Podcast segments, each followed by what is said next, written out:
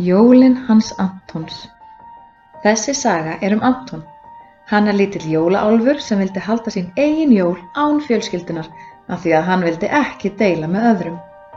Hann vildi ekki deila hrísgrunagrautnum, ekki jólatrínu og ekki jólagjöfunum. En heldur þú að það hafi verið góð hugmynd hjá Antoni? 20. og 1. desember Anton leggur af stað út í skó til að leita að jólasveininum. Hann er bæði þreyttur og svangur. Hann er búinn að ganga lengi í skóginum en ekkert bólar á jólasveininum.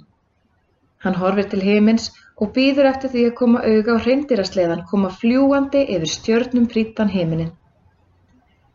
Anton sest á lítinn trjátrum og þurkar sér í framann með erminu sinni. Hvernig í óskopunum á hann að koma jólagjöfinni til Alfreðs?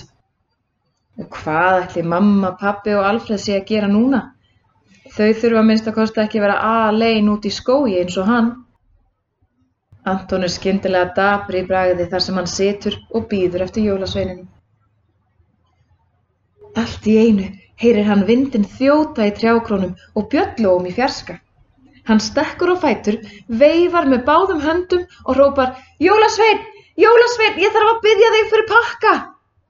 Anton hleypur af stað og sér brátt að sleði Jólasveinsins hefur sest á opið svæði rétt við skógin. Sæll litli vinur, segir Jólasveinin.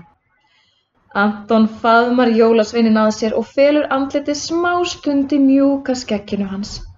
Hann heilsar líka jólasveinastráknum sem aðstoðar jólasveinin við að raða jólapökkum á sleðan og finna rétta gjöf handa hverju barni. Gætir þú komið þessum pakka til Alfreðs, litla bróðu míns? spyr Anton. Já, auðvitað, segir jólasveinin. En af hverju lætur þú hann ekki hafa jólagjöfuna sjálfur? Já, það er svo litið erfitt, segir Anton. Ég hef sagt öllum að ég ætla að halda jólinn einn í kofanum, en Svo er það alls ekki jafn gaman og ég ímyndaði mér. Anton finnur örlítið tár renna niður kinnina. Jólasveitnin klappar á kollinu Antoni. Svo gengur hann að fremsta hreindirinu og tekur af því silfurbjöllu sem hann réttir Antoni. Ef þú skiptur um skoðun skaltu ringja bjöllinni, sæði hann. Þá kem ég eins fljótt og ég get og þú verður komin heim áður en þú veist af. En við höfum mikið að gera núna, svo við verðum að halda áfram. Anton heldur fast utan um bjölluna með annari hendi og veifar til jólasveinsins með hinni. Hann horfur á eftir sleðanum alveg þanga til hann hverfur inn í myrkan heiminin.